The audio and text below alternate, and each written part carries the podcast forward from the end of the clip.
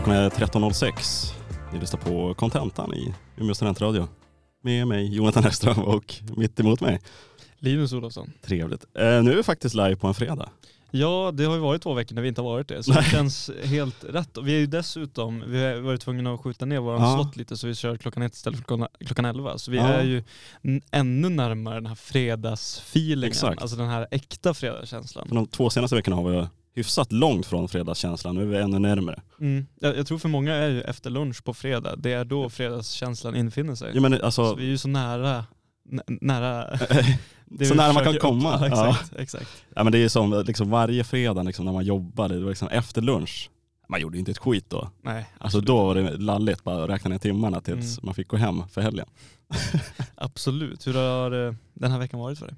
Ja men det var det bra faktiskt. Mycket Mm. att göra. Mm. Ehm, Men, men kul. Vi hade lite en uh, liten kick-off här med, med, med ska- säger han, styrelsen och ledningen Ja, här, ja, men med, här med radion igår. Nybildade. Ja exakt. Ja, god stämning har jag hört. Väldigt god stämning. Vi, var, vi körde bowling och karaoke bland annat. Ja, det ska man göra. Röjet så att Man man är lite sliten idag men Ja, men det får man vara tycker jag. Ja, det är hur- helt okej. hur har din vecka varit? Eh, ja, men den har varit ganska bra liksom. Mm. Oj, det har inte varit något större upp eller ner liksom. Eh, så, så det har varit trevligt. Jag har snöat lite sådär men nej, jag är nöjd. Jag, det är bra med mig. Medelmåttig vecka. Ja, verkligen tråkigt. Jag tycker inte vi ska fastna i den här veckan för jag har inte så mycket att säga om den. Du vill liksom gå vidare från, från den här veckan till Jag, den jag vill höra vad det var för låt vi hörde här i, i Ja, början. absolut. Det var en låt som heter Det läcker med Dina ögon. Som jag tycker är ju ett av, eh, de är ganska hyfsat nya här i Sverige, eller Mm. hyfsat nytt band i alla fall. Ja. Eh, Kom för två år sedan tror jag. Men otroliga faktiskt. Jättebra låt. De Ja. har ju eh, Mormor har de en låt som Ja, heter. exakt. De har många trevliga låtar. Mycket, mycket trevligt. De var ju på den här eh, konserten ute i eh, inlandet i Norrland. Vad heter den? Mm, Den heter någonting. Är det typ i typ Vilhelmina eller någonting? Jag vet inte var den är. Den är långt borta och så känns det som att det är väldigt mycket... Stockholmare som reser upp? Nej, tvärtom. Va? Det är eh, många barnfamiljer typ. Jaha. Eh, ja, ja. Ja, Den är, grymt band i alla fall som jag tycker alla ska Ja. lyssna på. De har ett väldigt eh, unikt sound som eh, Mm. många andra inte har. Ja men eh, de är bra rekommendation tycker jag. Bra Eh, röst också, det är en väldigt speciell röst. Ja, jag har hört att de är är lite bättre inspelade än vad de är. Ah, Mm. okej. Det är ju så med vissa, alltså man förstår att många Mm. krävande låtar kräver mycket av eh, Ja, ja, så att, rösten och artisten så att det kanske inte alltid lever upp till det. nej. Ja, det är svårt att vara en bra liveartist. Alltså det, är, Mm. det är svårt att vara både, både och. Att man kan spela in bra och eh, liksom göra det bra live. Det är ju Ja. väldigt, väldigt svårt. Ja, Det är en, eh, ja, det är en unik grej som jag tror det, det är få som kan. det är en konst, konstform som tar år att bemästra. Ja, verkligen. Så 100%. dina ögon kanske, de får ta några år på sig till. Så kanske de har det. Ja, jag tycker det. Men de är krävande låtar också. Det är ju väldigt, Mm. jag tror arrangemanget och allt det där är lite krävande. Ja men det är väl förmodligen därför. Men alltså Mm. de är ju eh, alltså, g- unika i Mm. sitt sound. Jo, men det är det. Så, vilket eh, gör, ger större anledning att lyssna på dem. Ja, Om man säger så. Och eh, att, de har ju varit i Umeå någon gång sådär. Mm. Men jag har alltid missat dem. Var Vars, sådär. vars är de ifrån? Vet du det? Jag tror de är från Stockholm. Okej. Jag kommer ihåg att de var på Jazz på studion har jag alltid varje torsdag. Ja, just. Mm. Då var de där förra året men då missade det. Nej. Sen var de på, var det ditt kvarterfestivalen kanske? Förra året eller något sånt Nej, jag där. vet inte. Eh, då tror jag de också var där. Så att, ja. Nu kanske de börjar bli lite stora så att de inte åker på de här små grejerna längre. Så att eh, vi får se nästa gång om man har ch- chansen. Mm. Ja men kul. Eh, kollar du på serier? Jag försöker då och då. Ja. Mm. Eh, skoj. Jag, jag är dålig på det, men jag har haft Ja. en liten vecka. Jag kollade, det här ska jag inte eh, djupdyka i, men jag Nej. såg eh, Netflix-serien om Bernie Madoff. Ja, det är Ponzi scheme snubben. Ja, exakt. Ja, ja. Och det är jävla intressant grej ändå. Nu har vi börjat läsa alltså här, allt som har med ekonomi att göra. Vi pratade, Mm, Du mm. pratade om det här att investera i musik förra veckan. Ja, Det är som en eh, spännande värld som man vet lite om. ja verkligen. Så det är alltid kul att se någonting från verkligheten Mm. i den världen. Och just Wall Mm. Street, alltså det är en sån stark kultur och Ja. man har sett mycket i media. Det finns en väldigt bra film som heter The Big Short. Ja men exakt. Eh, som är alltså just om, eh, var det om eh, kraschen 2008? Visst var det det? Jag tror det. Ja. Som var otrolig faktiskt. Ja. Eh, Eh, Ja, det finns mycket liksom medieinnehåll Ja, att, att verkligen. göra på, på den världen. Och den här serien, jag såg faktiskt klart hela i veckan, vilket Mm. är ovanligt för mig att se klart en hel serie. Men det var ganska kort. mm, Det var ju mm, bara om det var sex eller sju avsnitt. mm. Eh, men sjukt intressant. Han hade ju ägde sex eller sju procent, nu måste jag säga rätt här, om det var sex eller sju procent av Wall Street eller liksom förmögenheterna i USA. Jävlar. jag, jag, jag vågar inte säga. Det var något av dem, jag vågar inte säga vilket. Men han, visst var det det, det var, det var det här ponzi scheme. Ja. Jag, förstår, jag förstår inte exakt hur det fungerar. Och jag har ändå sett massa avsnitt. Och jag, alltså, grejen är att du, du tar en klients eh, eller pengar, de Mm. investerar i dig och då säger du, för, för att du kanske utmärker dig vid att göra väldigt bra investeringar. Ja, Så då säger du, jag kommer förvalta dina pengar och, Mm. och ge så bra vinstmarginal som möjligt. Ja. Eh, och i en ponzi scheme, då investerar du aldrig de pengarna. Utan du, Okej. låtsas, du bara flyttar runt pengarna. Så Ah. ingenting händer. okej. Eh, och om då fejkar han bara alla sina siffror så kan de få det, alltid eh, positiv avkastning. Ja, just De går alltid plus. Okej. Liksom, det, om man kollar på deras linje så går Ja. den bara rakt uppåt. Konstant. det, det går inte. Det är och det är omöjligt. omöjligt på marknaden eftersom Ja. den alltid fluktuerar. Över Ja. tid absolut kan den gå uppåt men den Absolut. kan aldrig alltid vara positiv. Nej, det är liksom, det är det man alltid ser att liksom bara, det är inte alltid, vad ska man säga, du, du, en vinst är inte all- alltid garanterad, st- står det alltid när man ska investera i saker. Nej, Så att, eh, det är ju bara ett faktum. men han höll på med det så här hur många år som helst. Och Ja, de, 30-40 år eller det är ju helt galet att han lyckas liksom hålla igång den här eh, Ja, skiten så länge. ja. Det är, det är ju fan imponerande. Det, är, det var ju i och med börskraschen han eh, blev påkommen så att Aha. säga, för alla vill ha ut sina pengar. Så, fuck. Fan också. Ja, men kolla ju, på siffrorna, de är ju så bra. Ja, Forts- de ser Ja, fortsatt exakt. bra ut. Exakt. Eh, nej men eh, bra serie som jag tycker man kan ta Ja. och kolla på om man eh, är något intresserad. Mm. Eh, annan regissör som har gjort eh, eh, innehåll på temat Wall Street det är ju Martin Scorsese som gjorde Wolf, Wolf of Wall Ja, Street. absolut. eh, med Leonardo DiCaprio. I den här scenen när han är i eh, rättegång, Mm, eh, mm. för han fick sitta i fängelse för han var ju också Ja, bedragare ja. på, på massa nivåer. Då är en eh, kvinna som spelar eh, domare eh, såklart. Det är alltid Mm. någon som spelar domare. Ja. eh, och i den scenen så råkar det vara en kvinna som heter Fran Lebowitz som Just Martin det. Scorsese också har gjort en dokumentär om. Mm. som är några år gammal, jag vet inte exakt vilket år den kom ut. Men Mm. jag tittade på den när den kom ut och jag har tittat om på den igår. Såg jag nästan hela serien på, på en dag. För att den är, ja. Den är stark tycker jag. Eller inte stark, jag tycker den är jävligt underhållande. Mm. Eh, Men den här kvinnan då, Fran Lebowitz, är ju en eh, framförallt kompis till Martin Scorsese. Eh, och han har valt att göra en, eh, eh, vad ska man, en minidokumentärserie Mm. om henne. Och det är väl lite intressant take på det, för det är inte så att mm, det är en dokumentär i dokumentärens sanna bemärkelse. Nej. Utan det är, det är Ma- Martin och eh, hans, eh, några av hans vänner som sätter sig ner i typ barer och så har de en sittande intervju med Fran Lebowitz. Mm. Det har de gjort några gånger och sen så är det klipptagningar från när hon är med i talkshows. Mm. Och sen är det väldigt många klippbilder på när hon bara går runt i New York, New York City. Mm, vad följde med henne under dag? Ja precis, och den här kvinnan då, eh, Frances Lebowitz, är eh, i, i grund och botten författare som flyttade till New York när hon var 20. Hon är född 1950 så hon är över 70 år gammal idag. Mm.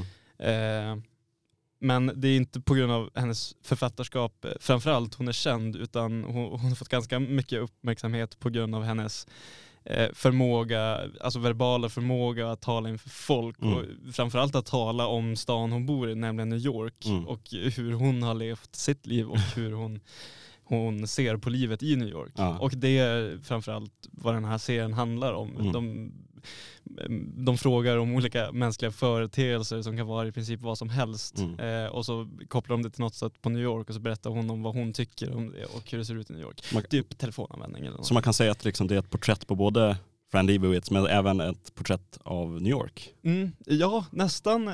Jag, jag skulle säga framför allt ett, eh, alltså det är som ett porträtt av New York från en persons ögon. Ja just det. Mm. Skulle man kunna säga att det är. Mm. Eh, vilket, vilket är väldigt intressant. Eh, det är spännande med världsstäder och metropoler överhuvudtaget. För, Ja gud ja. för att de är så centrala knutpunkter i kultur och Mm. hela världsriktningen eller eh, diskursen på ja. något sätt. Men alltså New York är ju så pass, jag har ju aldrig varit där själv, men det är ju en så pass intressant och säregen stad som är svår att den, den har så mycket i sig, det är så, finns så många liksom bakhål och liksom det är en väldigt ja, fascinerande plats. Ja, det är ju någonting väldigt många människor samlas på väldigt liten yta. ja exakt. ja det är det. Eh, upphov för att vara irriterad på eh, varandra, vilket Fern Lebowitz stundtals, eller inte stundtals, nästan alltid är. Ja. Och Hon är väldigt sä- sällan positiv och det som kan vara lite repetitivt i serien, att man får en känsla av att hon sitter där och bara, ja ah, men det var så mycket bättre när jag flyttade till New York. Ja, okej, det var bättre förr. det, Liksom. Mm. det, det är verkligen inte så, men Nej. man kan se sådana tendenser. Just det, just det. Mm. Hon, hon säger aldrig det uttryckligen och hon är nog intelligent för att förstå att det är klart inte att det är så. Mm. Men det är mycket hon stör sig på på yngre människor eh, Ja. som hon inte stör sig på, på bland sig själv och människor i sin egen ålder. Men hon har en tes om att man förstår sin egen gener generation och endast sin egen generation fullt ut. Eh, och då pratar de om folk som är tio år äldre eller yngre från ens egen ålder. Just Men då, då kan jag se, jag vet vad den personen tänker och den klär sig på grund av att den tycker om det här eller Mm. med i den här subkulturen eller jobbar med det här. Och, eh, allt på, baserat på hur en person fungerar. Medan hon inte gör det med yngre människor. Mm.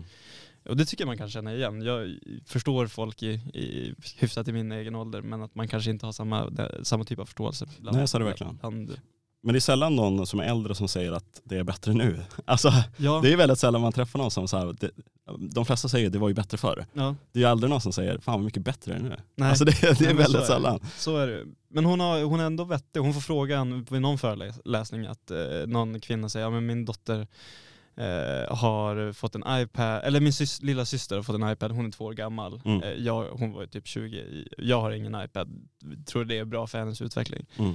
Eh, typ. Och hon säger bara, men jag vet inte vad det är. Hon kommer förmodligen bli bättre på att använda iPaden och iPaden kommer vara en större del i framtiden så det behöver Mm. inte vara negativt. Nej, nej exakt. Så, så hon är inte bara destruktiv, Nej, nej, nej. Eh, vilket hade blivit väldigt jobbigt att titta på. Ja, då, hade man, då hade man inte velat kolla på det. Om det bara så här, fan var alltid sämst. Ja, Fan vad mycket bättre det var förut. Det, är ju- ah, det finns, finns inte så mycket att hämta där kanske. nej, nej men precis. Men eh, hur som helst har hon blivit något av en New York-ikon. Hon Mm. har haft en ganska nära relation med den nu avlidne jazzartisten Shirley Mingus. Mm. Eh, hon har käkat middag med Duke Ellington i samband jävlar. med Charles Mingus eftersom de var eh, Mm. polare.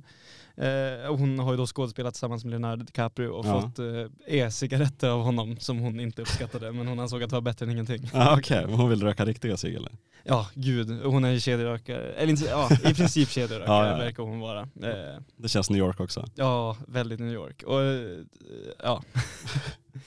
Lite ledsen är hon väl att man inte kan röka inomhus. Ja, det är klart hon är det. Eh, Ja. Ja, hon hade en, eh, någon tes om att om det står ett par konstnärer vid en bar eh, och, och, och röker med de här stora konstnärerna kanske som var aktiva, ja men typ de här jazzartisterna som hon då kände under perioden man fick röka i New York, mm. står och pratar och så kommer det en massa fantastiska idéer eh, under kvällen. Men om de hade behövt gå ut och röka då kanske man missar någonting. Mm, Det vill man inte göra. Alltså, hon, hon tycker att det kan vara en bra grej att röka inomhus. Men hon förstår varför man inte får göra det. Liksom. Nej, nej. Eh, och hon jobbade även under en period för Andy Warhol. In, hon, var, hon skrev för någon tidning som han hade att göra med.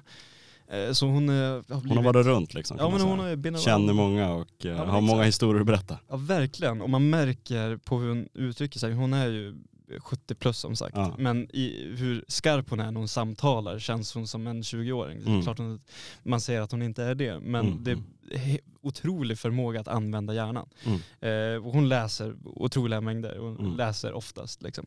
Eh, och tycker att folk överlag kanske skulle kunna prestera bättre i må- många delar av livet baserat på hur deras beteenden ger uttryck i, i vardagslivet i New York. Ja. Men jag tycker att vi ska ta och lyssna på en, en liten anekto- anekdot av eh, Fran. Eh, så man kanske får lite förståelse för hur hon uttrycker sig som person och Mm. eh, hennes eh, livsåskådning. Så hon eh, pratar om när hon var en liten flicka och eh, hade börjat spela cello från, eh, som hon hade fått från den kommunala eh, grundskolan som hon gick i. Mm. Yes, vi tar och lyssnar på det.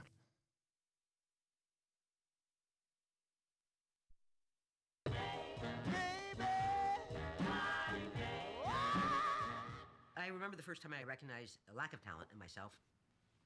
I played the cello as a child, and I we had a school orchestra. Every school had an orchestra. This little public school, every public school had an orchestra, um, and they lent you the cello. At a certain age, I don't remember what age it was, the school took back these cellos, um, and if you wanted to continue playing, you had to buy a cello. So I remember very well uh, telling this to my parents. No, we have to give the cello back, and now we have to buy a cello. Um, and I remember we lived in a little split level house. There were like I don't know four stairs, that and then the kitchen. And I would like sit on the stairs and listen to my parents talk. And I heard my parents trying to figure out how to pay for a cello. And so I went in the kitchen where I wasn't supposed to know. They were like having this discussion, and I said, "You know, don't buy me a cello. I'm not good. I'm really not good. It's not worth it. It's not worth spending the money on me on this." And my mother said, "Well, you know, that's because you don't practice enough. If you practice more, you'd be good." And I said, "No. If I practice more, I'd be better. But I'm never going to be mm-hmm. good." But. Ja. Eh, det, jag tycker att hon ändå sätter eh, pekfingret på någonting där Mm. eh, i den kreativa processen.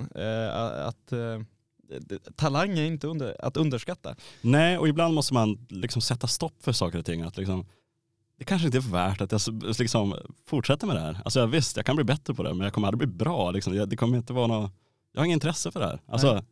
Skit i det bara. Och det är talande att ha den eh, insikten som Ja. en, nu vet jag inte hur gammal hon var här, Nej, hon kanske måste var, ganska ung ändå. Nio, Ja. åtta någonting, eh, årig flicka. Att förstå det redan då är väldigt starkt. Ja, Också talande om hennes kanske lite pessimistiska syn på livet. ja verkligen. Eh, på något sätt, men också jävligt starkt. Men det är så pass New York, så, alltså det är så här, just den här attityden är ju så jäkla New York. Alltså på något sätt. Ja. Känns väldigt sådär judiskt också. Jag antar att hon, är, hon kommer från en judisk precis. familj liksom. Ja det hon. Och det är en väldigt så här judisk, den här judiska pessimisten som man kan se liksom i många av de här, alltså i Seinfeld och alla de där. Ja det är lite den grejen. När hon började skriva för den här Andy Warhol-tidningen Ja. och berättade att hon skulle få en kolumn där, då var hennes föräldrar så du, Jaha, ska, ska du, göra det? Okej. Fan då för. det finns ingen bättre än dig liksom. Inte att de blir glada och Nej, stolta nej, nej, utan bara ifrågasättande. Jag blir bara oroad över liksom, tidningens framtid. Liksom. Ja verkligen. Men man ser ju, nu, nu ser man ju inte när man lyssnar på radio, men eh, när man ser hennes eh, ansiktsuttryck och hennes sätt att röra Mm. sig på, då ser man också att det är en storstadsmänniska. Mm, ja men verkligen. Kan, kan man i princip eh, avgöra bara på, på hur hon eh, rör på sig. Men eh, det, det blir lite som en memoar över hennes liv också i och med att det, Mm. det blir väldigt mycket anekdoter från, från, från hennes liv. Hon Mm. har varit på mycket talkshow med Letterman och, och Mm. sådär. Så jätteskoj att se. Eh, kan, kan jag rekommendera om Mm. är intresserad. Eh, har du någon relation till eh, världsmetropoler? Eller har du någon annan världsmetropol som du... Jag gillar, alltså jag är stort fan av London som sagt. Ja just Mycket, mycket på grund av Mm. att jag man är lite anglofil. Men Mm. jag hade varit i New York, men jag, hade, jag har alltid drömt om att dra till New York någon gång i alla fall. Ja man vill ju göra det. Man vill ju det. Man vill ju hamna på de här liksom, bakgatorna. Det är någon schackaffär där och det är liksom någon bokaffär där och det är eh, lite drop-in här. Det känns som det finns så många vrår att det ju kliva in i på något sätt. ja, Och det är en så sån många, dröm man har. det är så, det är liksom arkitekturen och människorna är så jäkla speciella. Jag följer för ett konto på, på Instagram som heter New York Nico. Där han Mm. bara liksom dokumenterar livet i New York och alla människor, alla underliga liksom karaktärer som finns i New York. Mm. Eh, det är fantastiskt, fantastiskt Instagram-konto att följa. Outtömlig källa också. Ja men innehåll. verkligen. Ja, men det, det är ju liksom en stad som aldrig, jag tror man aldrig kan ledsna på den. Nej, det finns alltid något nytt. Nej, och därav, det pratar de i serien också, att eh, man kanske funderar på att flytta, eh, flytta från New York och Mm. så kan man säga göra en kort period. Men om man har bott i New York länge eller sen Mm. man var ung så kommer man nästan alltid tillbaka till stan på något sätt. Ja man- men exakt, det finns någon slags energi och det är liksom, Ja. Det är svårt att toppa New York kan jag tro i alla fall. Som sagt, jag har aldrig varit där och man Nej. har nog säkert bara någon slags idé om vad det är. Nej, man I har, ju, huvudet. man har ju absolut en dröm om att flytta dit. Eh, kul grej hon nämnde om psykologer. Vi pratade lite om psykologer innan vi började Mm, spela exakt, in ja. radion. Att hon hade mött en psykolog på någon fest, för hon älskar att gå på fester. Det är framförallt det, det hon gör. Ja. Alltså hon fick aldrig några böcker skrivna, hon skrev typ två böcker.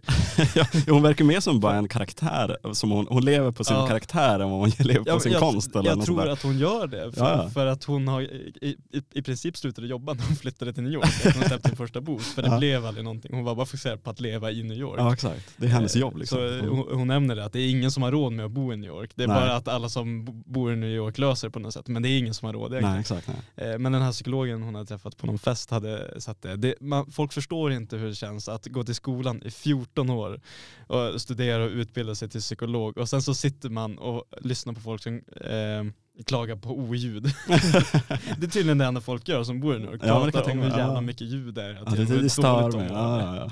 Men det kanske, hatar man ljud så mycket så kan man fan inte flytta till New York heller. Nej, man, Men i och för sig, det kommer den här pessimisten in.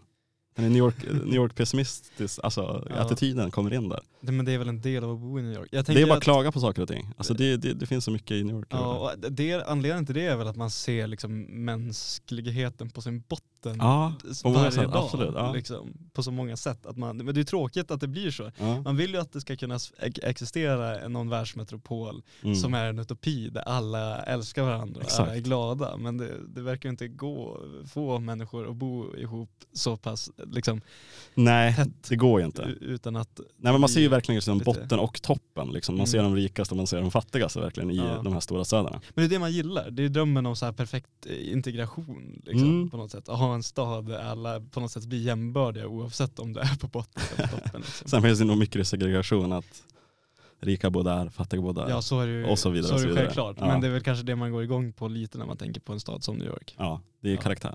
Ja, det är det verkligen. Eh, men det är om det. Mm. Eh, serie jag tycker att man ska titta på. Ja, vad var den hette nu? Eh, Pretend It's a City Mm. eh, heter den. Det kanske inte jag ens nämnde jag vet för, inte. förrän nu. ja, men jag må, den, är, Eh, den, av- absolut, den ska man ju absolut kolla på. av det tycker Martin. Scorsese. Eh, för hon menar att folk som bor i New York kan i alla fall låtsas som att de bor i New York och Ja. sköta sig som någorlunda hyfsade människor. Ja.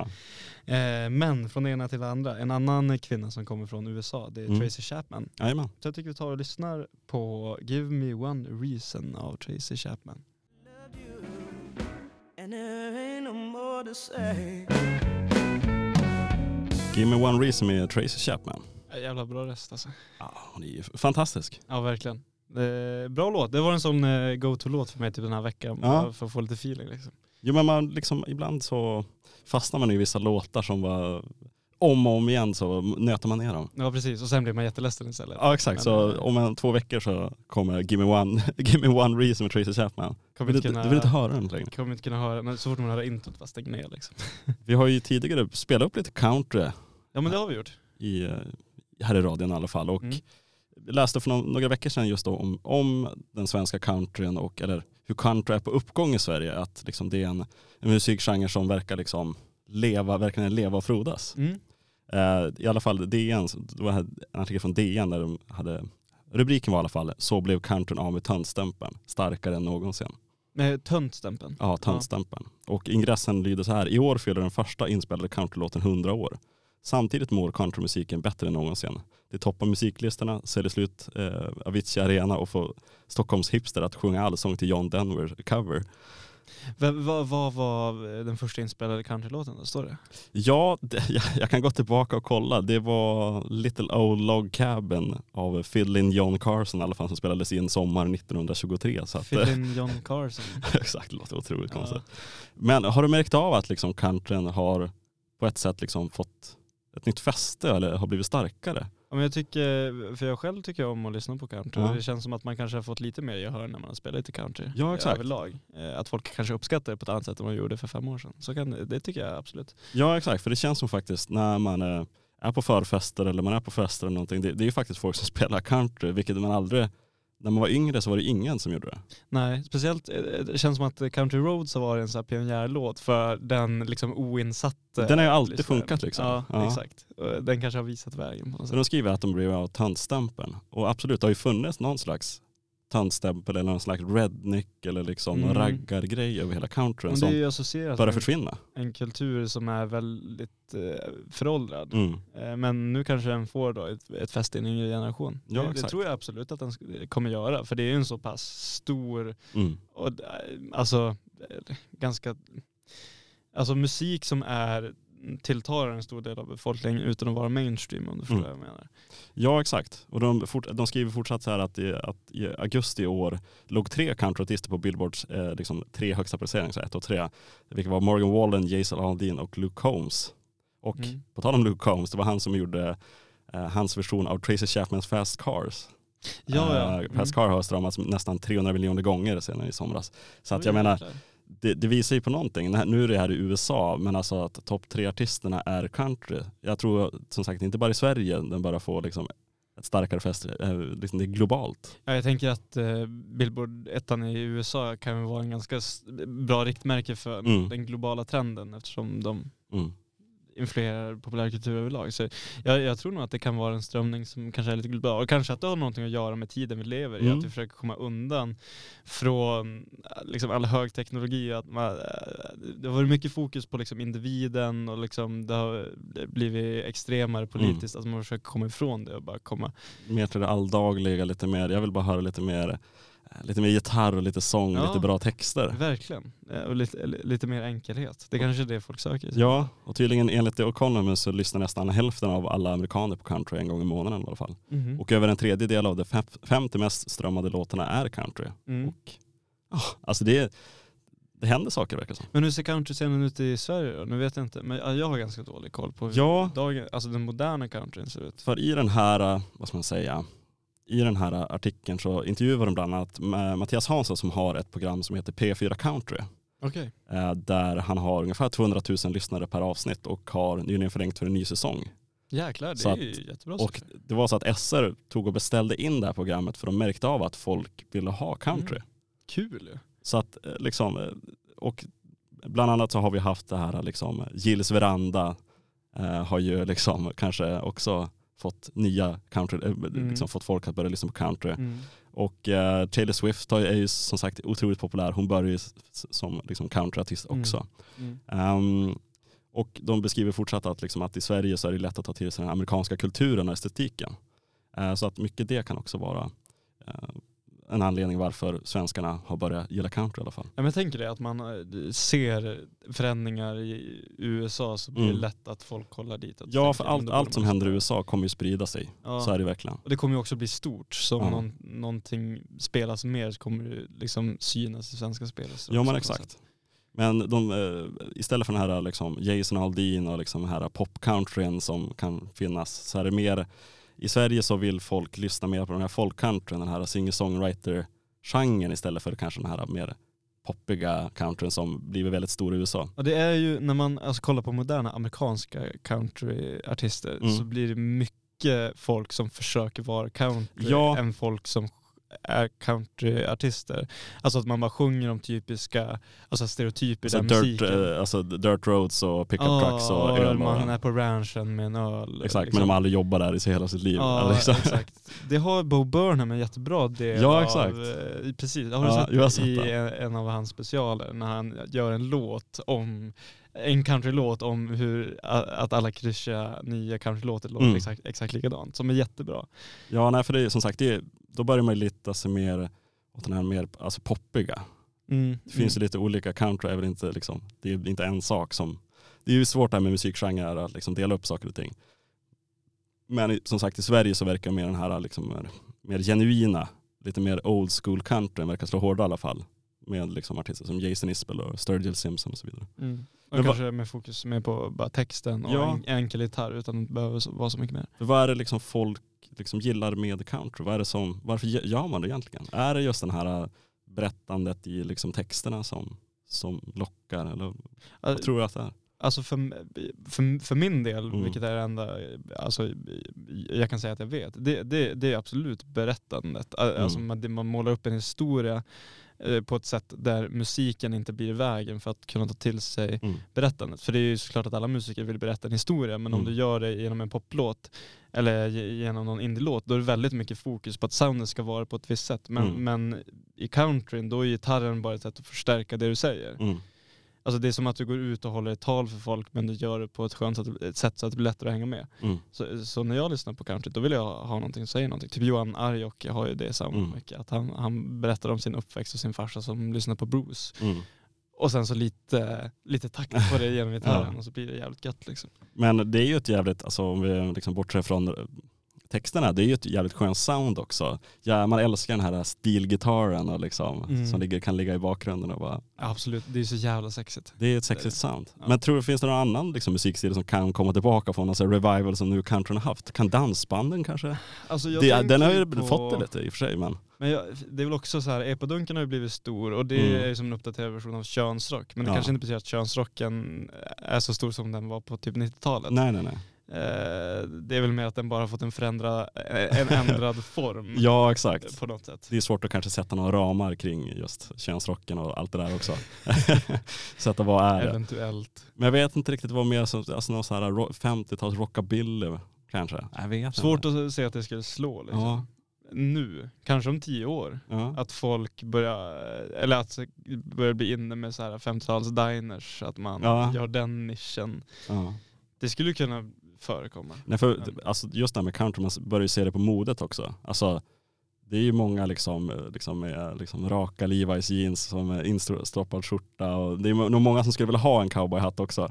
Mm. Som inte kan rocka kanske en cowboyhatt men hade nog velat ha det. Men det kanske kommer bli, alltså 90-talet kom hiphopen och blev stor och Mm. om man kollar på eh, alltså hur folk har klätt sig under 10-talet Mm. har det varit huvudsakligen hiphop-influerat Ja, verkligen. med hoodies och Mm. den, typen av look. Det, kan, det här kanske är nästa, nästa musikgenre som kommer influera Mm. eh, trend, trender i hela samhället. Det, det, det kanske är en tendens. Men det känns som att eh, överlag, om man tar som Kalle Zackari Wahlström har sin serie, han har köpt en bondgård Mm. där det bara handlar om att få ut åt helvete, Ja. Jaga, leva av naturen. Det, det, det känns Ha en cowboystil också. Ja, eh, något djävulskt. Ja. Eh, han brukar lägga ut ganska bra tips på countrylåtar också på sin Ja. Instagram-story.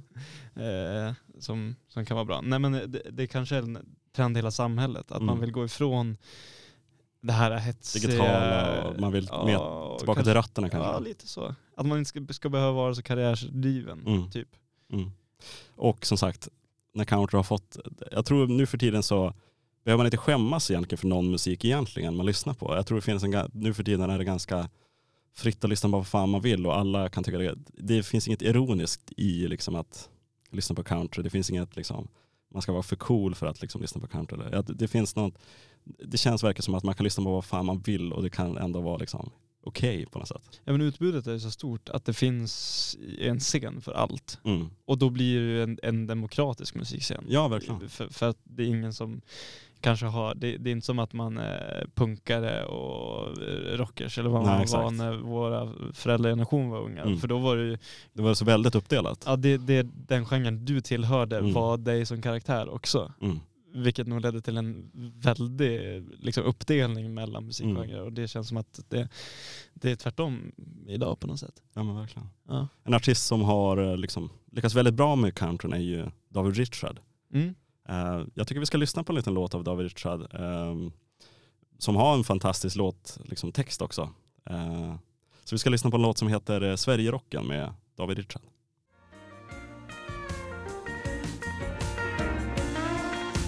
Sverigerocken med David Richard. Jävla härlig låt den här. Ja, det är ju någon slags berättelse över Sverige på något sätt. Kan man säga. Mm. Ja, Jag tänker på Timbuktu har en låt som heter Tack för kaffet. Mm. Som handlar, det känns som lite samma grej, att de har varit ute, jag vet inte om David Richard sjunger om turné, men, Mm. men det känns som att i Timbuktus låt har de varit ute på turné och härjat och Mm. Sett hela Sverige liksom. busat massa och så om massa mindre orter i, i hela Mm. Sverige. Det känns som att det är samma typ av låt fast med en helt annan musikgenre då. så- Ja, verkligen. Men, men samma premiss liksom. Men eh, man försvinner ju in i det här som du säger, gitarr, Mm. gitarren och han en väldigt god Så- röst. Ja, säregen röst sådär. Man kan ju verkligen inte särskilja att han var, han var från Huddinge, att Stockholmsområdet, Ja, exakt. det skiner ju inte igenom. Nej, det är inte riktigt, riktigt stockholmska liksom. Nej, Nej. det blir någon form av rikssvenska. Nej men eh, härligt. Mm, verkligen en härlig låt. Bra låt får man lov att säga. Men om man riktar ögonen lite mer österut, österut mot, eh, eh, det finns ett stort land. Det stora landet i öst. Ja precis. precis. Ja, det finns ju två stora land i öst man kan prata om. Ja det gör det, men det är nord, nordöst. Eh, Ryssland tänker jag på. Ja. Har, har du, lyssnar du på någon rysk musik? Nej, faktiskt inte. Jag försöker tänka efter, liksom, vilka ryska låtar har man hört? Men jag har dålig koll på den. Alltså. Ja, ja eh, Tattoo har vi spelat dock, som Ja. är från Ryssland. precis. Det, finns ju inte jättemycket stor, de har ju inte jättestor Musikexport. musikexport. Nej, exakt. Musikexport från Ryssland. Speciellt nu, dålig. Ja, det är ju förståeligt också kanske. Med, med deras eh, både historia och eh, nu, nuläge ja, jo, kan man lugnt säga. på något sätt. Jag är inte heller jätteinsatt i, i rysk musik överlag och jag är nästan ännu mindre insatt i klassisk musik. Mm. Eh, men eh, det finns eh, eh, det finns några ryska tonsättare Ja, jo men verkligen. Alltså då, det det här med ballett och liksom klassisk musik och det, det är otroliga Ja. på det faktiskt. Det, får man verkligen lov att säga. Och eh, Johan Ulveson, Mm. eh, skådespelaren, han eh, har satt upp och ska fortsätta i februari med en, med en föreställning på Folkoperan i Stockholm Mm, eh, som handlar om Sjostakovitj. Eh, Dmitrij Sjostakovitj. Ja. Eh, som är ett namn jag vet inte riktigt vet om jag uttalar 100% men Det låter bra i alla fall, Dmitrij Sjostakovitj. Sjostakovitj. Ja, det, det, det här norrländska ljudet. Ja, Sjostakovitj. Skiner verkligen igenom. Eh, nej men eh, det är då en rysk tonsättare som eh, har levt ett ganska eh, spännande liv och eh, som eh, Johan Ulveson tillsammans med Folkoperan har valt att göra en, Mm. en föreställning om där han då spelar eh, Dmitri själv så att säga. Spännande. och så är det mycket musik som jag har förstått i den här föreställningen då eftersom det är centrerat kring hans eh, olika symfonier och balletter som han har skrivit under sin eh, karriär. Eh, men eh, Dmitri då, han eh, föddes eh, redan 1906 i Sankt Petersburg. Mm. Alltså i ett Ryssland före revolutionen. Tsar-Ryssland så att Ja. säga. Ja men precis.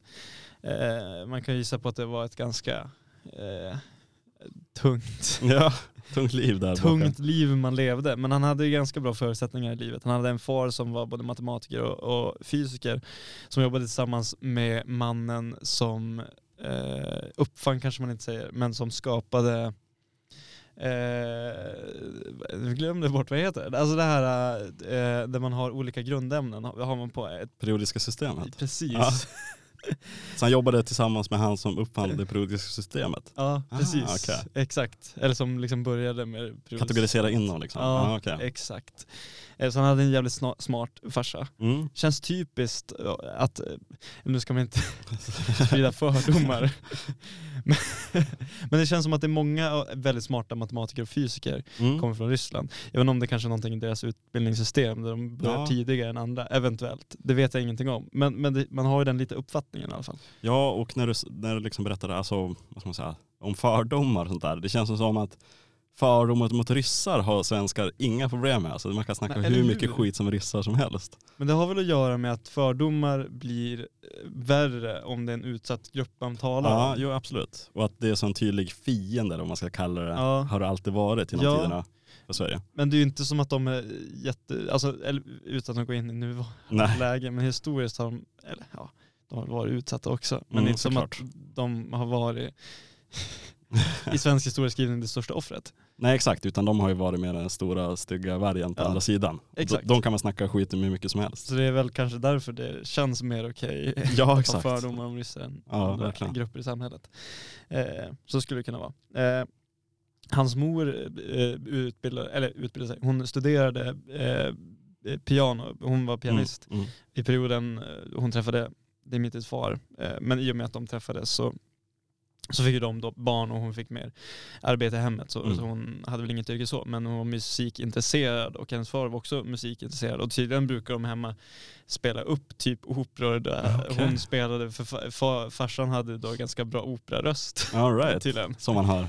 Ja, det känns också som ett riktigt eh, nästan aristokratpar, att man bara kommer hem och lirar av lite opera. Lirar av en, liksom en opera där Ja. i vardagsrummet. Ja, Vilken jävla scen han har, Exakt, efter han har suttit med periodiska systemet, meckat liksom. Från periodiska systemet till opera i vardagsrummet. Ja, så man kan väl gissa att eh, Dimitri hade en, en eh, ganska, eh, eh, en lättare start i livet än många andra Mm. från Ryssland den här perioden. Ja, verkligen.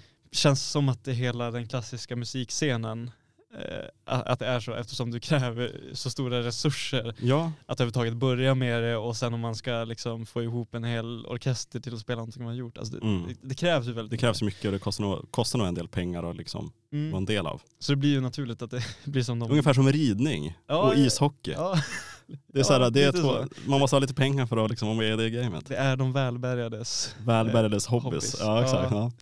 Eh, ja men lite så. Men eh, ja, i början av livet så eh, visste man kanske inte att Dimitri hade den här eh, musi- musikaliska begåvningarna faktiskt hade. Men vid nio års eh, ålder så upptäckte man att han hade absolut gehör. Mm. Det är Och, och ett väldigt bra musikaliskt minne. Mm. Eh, vilket ledde till eh, ja, på Wikipedia, eh, Wikipedia står det systematisk ut, musikalisk utbildning. Jag vet inte vad det betyder. Systematiken. men men ja. man får väl gissa att han då helt enkelt utbildade sig på något sätt eh, vid något institut ja, exakt. eh, musikaliskt. Och redan 1926 så uppfördes hans första symfoni. Mm. Och då var han 20, år gammal. Ja, det var ganska tidigt. Det får man ju lugnt säga. Eh, och just den var väl inte världsomvälvande men bara fyra år senare hade han, eh, hade han gjort både sin andra och sin tredje symfoni. Mm. Eh, och eh, då började han bli lite ansedd i Ryssland. Mm. Eh, och man sa att han hade en väldigt revolutionistisk anda. Alltså det, det hände väldigt mycket i musiken på, på ett sätt man inte var van. Och Mm, mm. Man ansåg den vara nästan lite provocerande i, eh, i ett land som då hade genomgått en ganska stor regimändring. Ja, det får man lugnt säga. Eh, Men det du säger, alltså, det är ju liksom just det här med klassisk musik, det känns som alltid det är genier och liksom underbarn och det finns inte en dum jävel som håller på och skriver symfonier. nej, men det, är, det känns som en grej man bara kan. Det exakt, du, du kan inte lära dig utan liksom, ska Nej. du skriva en symfoni så det ska bara sitta liksom. Ja, verkligen. Ja, Och du ska helst vara under 12. ja exakt, det känns lite "Åh, jävlar, Mozart och allt det där. Jo, jo, jo, för fan. Det ska vara ett underbarn. Ja, liksom. verkligen. Ja men 100 procent. Eh, ja men tio år senare efter hans första symfoni då sätter han upp sin första opera Mm. eh, som heter Lady Macbeth från Mezen, Me- Mezensk. Eh, Pardon my French. Man ration. ja, Ja. exakt. Eh, och den blev väldigt uppskattad i, eh, i hela landet och bara i Leningrad så spelades låten 83 gånger under två år. Oj jävlar. Så den gick på högvarv skulle man kunna säga. Mm. Eh, tyvärr, eller tyvärr, men eh, i och med att den fick väldigt mycket uppmärksamhet så gick ju då Stalin som var eh, dåvarande regent i landet och tittade på den här operan eh, och han eh, ansåg den vara ofolklig och onationalistisk. Okej. Eh, vilket, jag vet inte vil- vilka specifika reprimander det här gav Sjostakovitj men Nej. det var ju inte musik som kanske fortsatte spela så intensivt och det var Nej, ingenting exakt. man såg positivt på från regimens sida. Mm. Eh, men sen kom ju ett eh, andra världskrig eh, som förändrade hela världen, Mm. både politiskt och hela samhället från grunden blev lite annorlunda. Och under den här perioden måste ju någonting ha hänt i Ryssland. Jag vet inte exakt vad, men, men eh, Sjostakovitj tilldelades Stalinpriset både 1942 och 1946. Mhm. Eh, och, och det är det man kan säga om den här perioden, att han aldrig var en uttalad regim eh, ehm, eh, han ställde sig aldrig emot regimen Mm. eh, offentligt. Vilket kanske berodde på att han visste att Stalin inte hade uppskattat det han hade gjort tidigare. Nej, Han kanske var medveten om att det är bra att hålla sig hålla sig på På- linjen där. på ja. någorlunda god fot i alla fall. För, för det man vet om Stalin, att han var rätt paranoid och hade inga problem med att avrätta folk i hans närhet. nej, nej. Eh, om han, eh, Sjostakovitj kommer att bli eh, regimens, eh, en av regimens tonsättare som, Mm, som mm. gjorde musik för, för regeringen. Så det, det är klart att man kanske ändrar sin stil lite. och- Jag tror man nog inte vill kanske. Man tar det lite lugnt där. Ja, precis. Men han blev i alla fall väldigt uppskattad under andra världskrigstiden. Tiden. där eh, han gjorde ett eh, av sina mer uppmärksammade verk, Leningrad-symfonin. Mm. Eh, som spelades ganska intensivt under krigsperioden. Eh, och kanske den mest anmärkningsvärda spelningen var att den spelades 1942 i det då tyskbelägrade Leningrad. Där man då samlade ihop ett 40-50-tal eh, a- antal överlevande musiker Mm. och bildade en symfoniorkester. Eh, och den här orkestern sändes även över högtalare till de tyska trupperna över frontlinjen. Jaha. Eh, vilket är anmärkningsvärt. Ja, verkligen anmärkningsvärt. Ja. Eh, får, man, får man då säga. Eh, men under den här perioden så var ju Sjostakovitj och liksom stå på eh, Stalins och hela, hela Sovjetunionens sida. Mm. Sen tar kriget slut och 1946 så anses en kille som heter Andrei Sjadnov, Sjad- eh, till eh, eh, vad som kommer att kallas ideologisk utrensare som har en ganska extremistisk vibe. Ja, det, får, det, det, det låter så. Det är inte någonting man hade, satt på CV idag. Nej, jag var ideologiskt utrensade mellan 2016 till 2018. Ja, låter inte jättebra. Eh, där då Andrei skulle klassa vilken konst som var citat korrekta sovjetiska konstverk. Eh, och man gjorde då en lista med eh, olika förbjudna kompositörer som, eh, som blev överfallna i sina hem. De blev Oj. attackerade, vissa dödades, vissa, vissa fick väl kanske lindriga reprimander. Men Mm. de, eh, eh, det, var, det var en ganska, det var en regim som, som De ville tysta ner det de Ja. inte gillar så är det. Ja, verkligen så. Eh, och några av Sjostakovitjs verk hamnade i ett eh, register på förbjudna verk. Mm. Eh, men Sjostakovitj kritiserade aldrig offentligt regimen. Mm.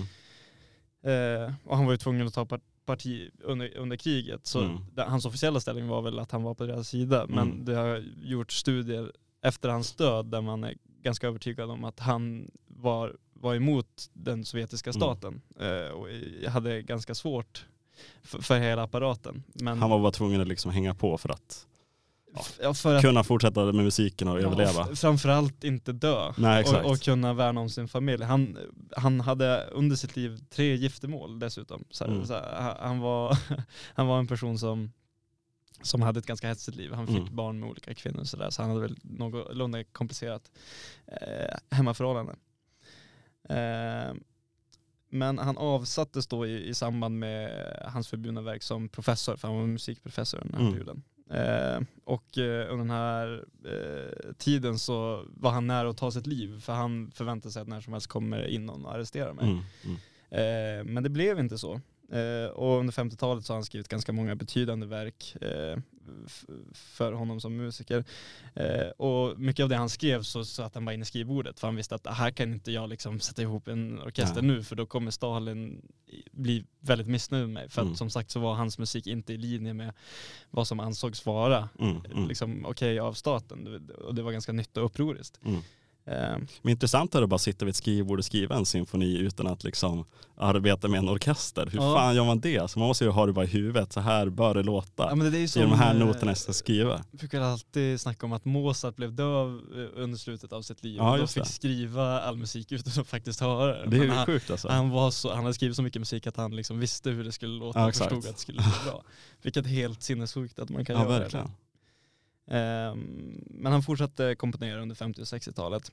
Ehm, som, som inte hade gått under, under Stalin-tiden i och med att Stalin dog 1953. Mm. Ehm, och vissa säger då att han fortfarande var påverkad av det här, att det blev en viss form av formalism för att vara tvungen att hålla sig inom vissa ramar. Men Mm. han gjorde succéer i Leningrad och Mo- Moskva. Eh, och eh, man eh, har sett att verket innehåller liksom kodade meddelanden om liksom blodiga attentat som hände för eh, revolutionen och sådär. Och han fick även representera Sovjetunionen 1949 i en, en kultur och vetenskapskongress för världsfreden. Jaha. Eh, så då, då var han på god fot med Ja. regimen. Så han har haft ett litet on and Fram och tillbaka förhållande. liksom. Ja, Ja, ja, ja. men precis.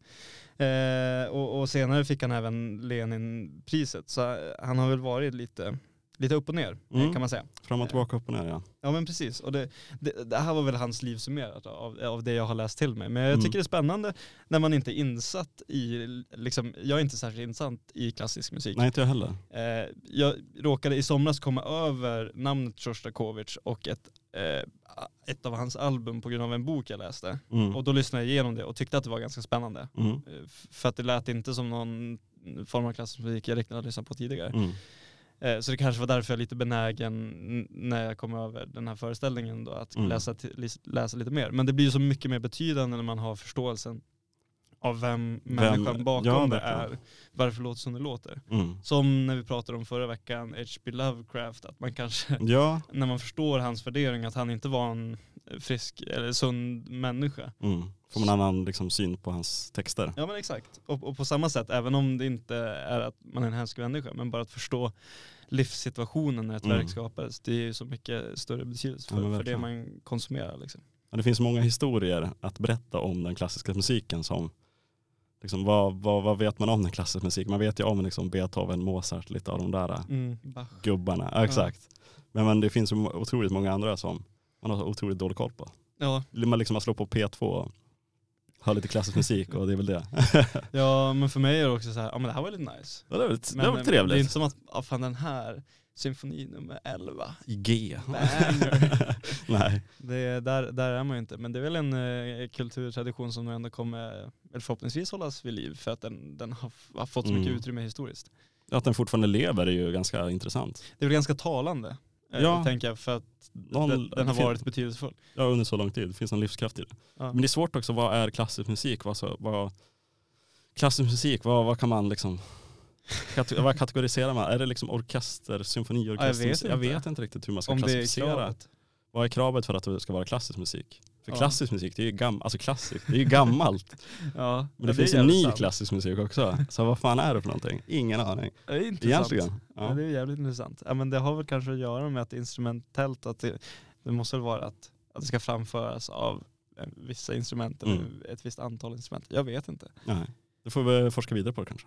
Ja, vi återkommer nästa vecka med ett svar. Med ett svar om definitionen av klassisk musik. Ja, Det här med genrer som jag sa tidigare med country, att som en genre, det är, ju- det är alltid svårt att stoppa in saker i fack. Vad är country, vad är klassisk musik? Sen finns det alla de här subkategorierna och subkategorierna på subkategorierna. exakt. alltså det finns ju så mycket man kan dela in i det. det är väl alltid svårt att dra eh, linjer. i Exakt, det. för det handlar ju om kultur och någon slags allt låter ju inte likadant, det går inte att sätta någon slags definition på saker och ting. Det här ska vara det här till exempel, Nej, inom, inom kultur. så är det verkligen. Eh, men eh, ja, nu har vi pratat en hel del av eh, Ja, den, om- den här mannen, Dmitrij Shostakovich. Eh, så då måste vi nästan lyssna på någonting av honom. Ja men absolut. Eh, så vi, vi ska få höra en vals han har skrivit eh, från ett samlingsalbum som kom ut 1992. Eh, och eh, valsen tillhör eh, jazzsvit nummer ett. Komponerad 1938, 34.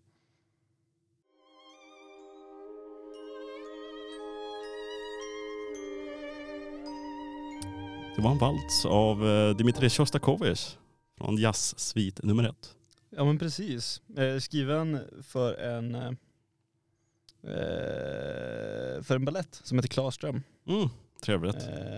Mm, verkligen. Men som sagt, alltså det, det, det är intressant med klassisk musik att man har ju så dålig koll på det. Liksom, vad särskiljer liksom den ryska klassiska musiken mot den tyska eller Ja eller hur. Man är, italienska? Ja, men det, det känns som en värld man är dålig på. ja, man är ju så oinsatt. Verkligen. Det Det, det finns mycket att hämta tror jag där faktiskt. Ja, eh, det är kanske någonting, eh, ett framtidsprojekt. Ja. Ja men verkligen. Du Försöka ta sig an. ta sig an en klass. Var, vilken ände börjar man dock? Ja det är svårt Ja, det med klassiskt. Ska man börja med den ryska kanske? Ja, kanske.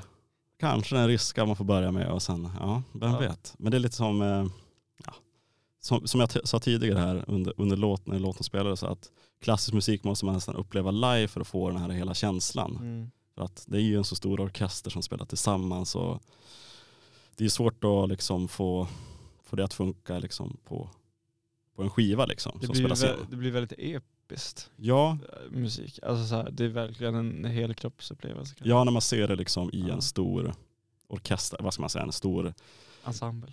en stor ensemble med i ett stort liksom, orkesterhus eh, som har en Mm. speciell, liksom, man hör bara eka mot väggarna och grejer. Jag tror det blir en eh, mycket mer speciell känsla live i alla fall. Det är nog kanske det lättaste sättet att, att börja med det också. Ja, men verkligen. intresserad. Att gå och titta lite på det. Ja. Se, se hur det är.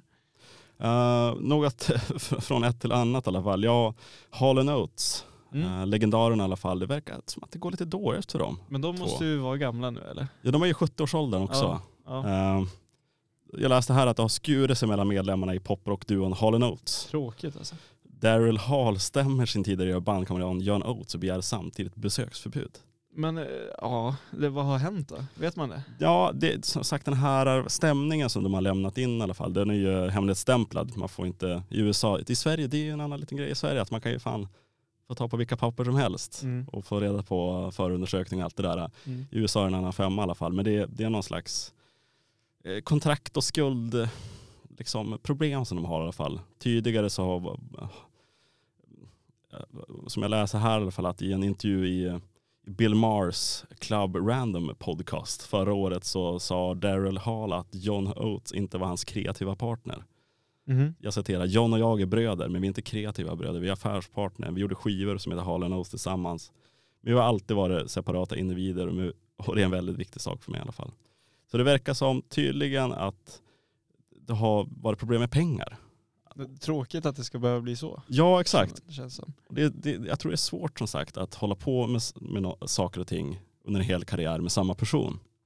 Det Mm. kommer nästan alltid någonting i vägen på något sätt. Det är svårt att få en duo att fungera över en så lång tid också. Och när man bara är två, då måste man bli jävligt less på varandra. Alltså. Ja exakt. Tänker jag, för jag, för jag tänker på Bob Hund som vi snackade om, för, Mm. för, eller som jag pratade om förra veckan. Mm. Det är ändå sex personer som har lyckats hålla ihop eh, Mm. sedan eh, 91. Liksom. Mm. Men, men de, är, de kan ju alltid liksom umgås i olika konstellationer och de är ju inte beroende av varandra på, som man är när man bara är två i en Mm. musikalisk eh, sammansättning. Liksom. Nej exakt, alltså, just när det är två stycken, alltså, är man ett helt band på fem pers till exempel, då är det lättare att, tror jag, komma överens på något sätt. Att, Mm. ehm, är man bara två stycken så det kommer lätt bli liksom tvister mellan oss. Men det blir ju det blir inte samma alltså, demokratiska eller kreativa process. För det är så här, jag tycker så här, men tycker inte jag, jag tycker så här. Mm. Och, och sen kan man inte göra så mycket med det. Om man är tre eller fler, då kan Mm. man ha en diskussion om Då det. kommer man ha diskussion och liksom, jag tror det är lättare att samarbeta när man är fler. Ja. Det är lättare att säga, okej men jag kanske,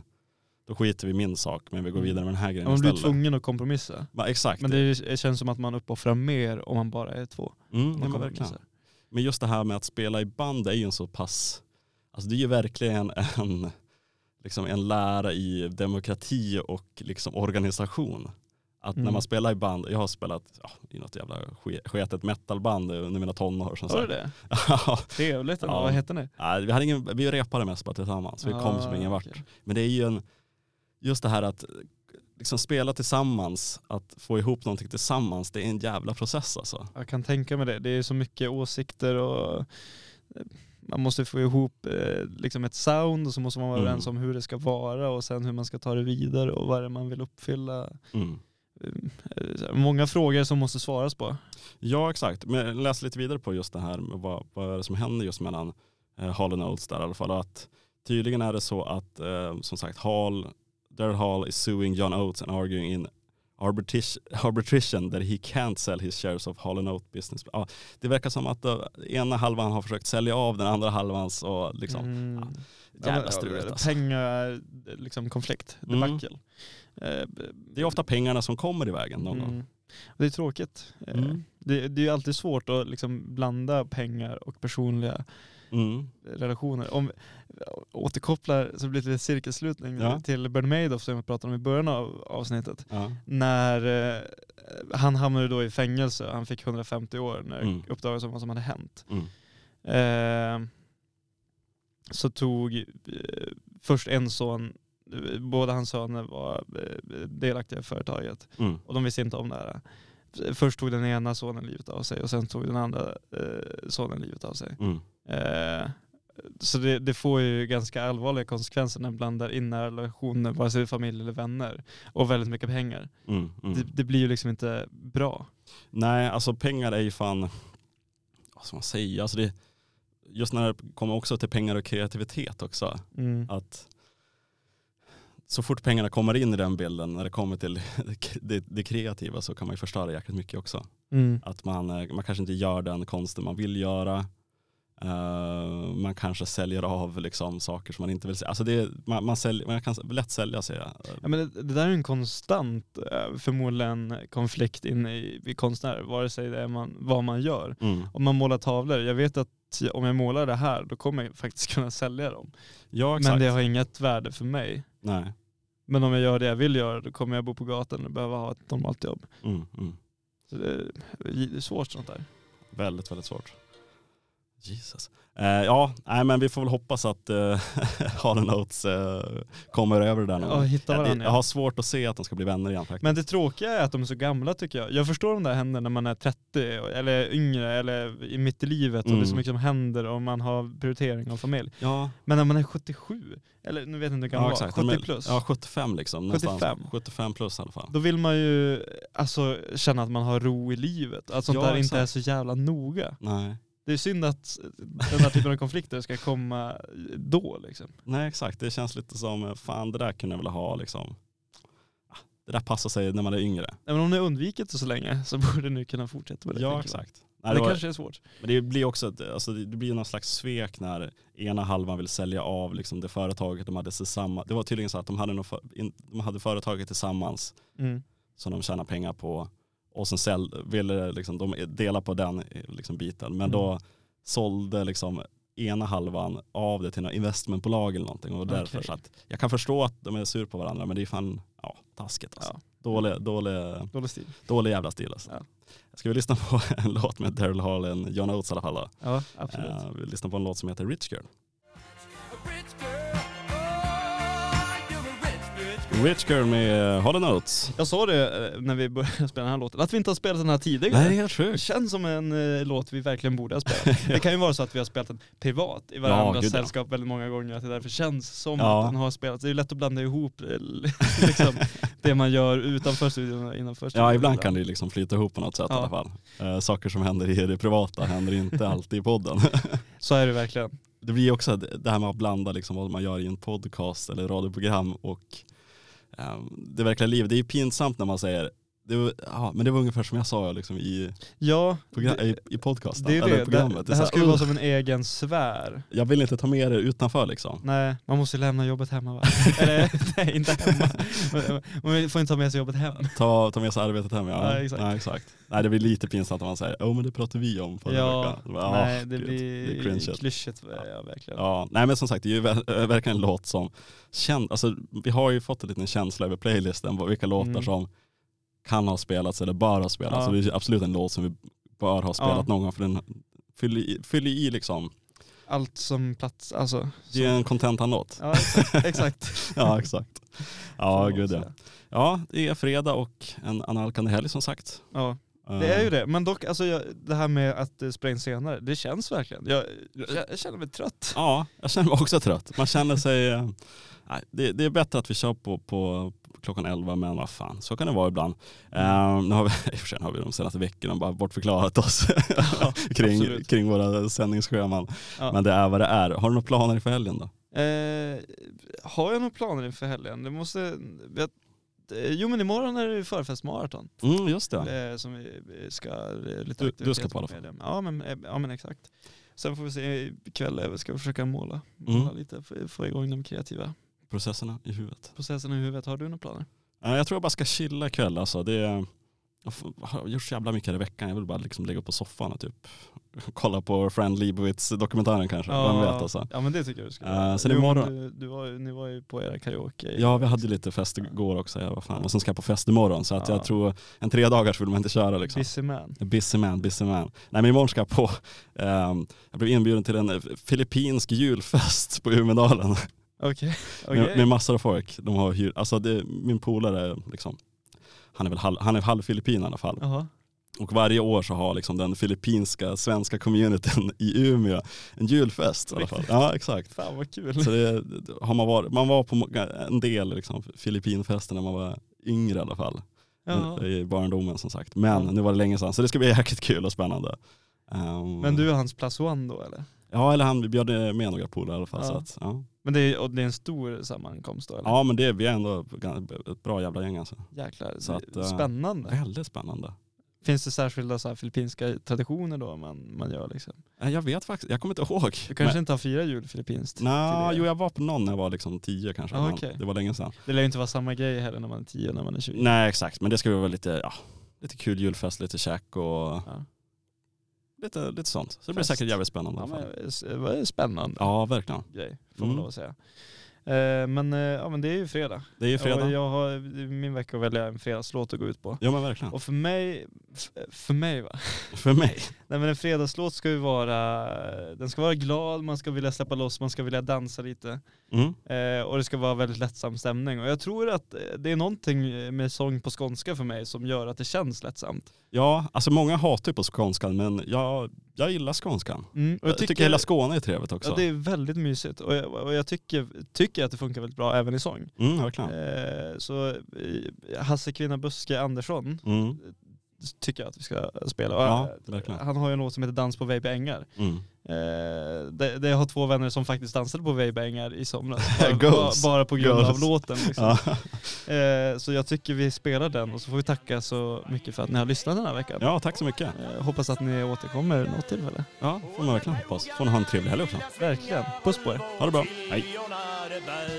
Och musiken den blandas skönt med skratten Och försvinner ut över byn.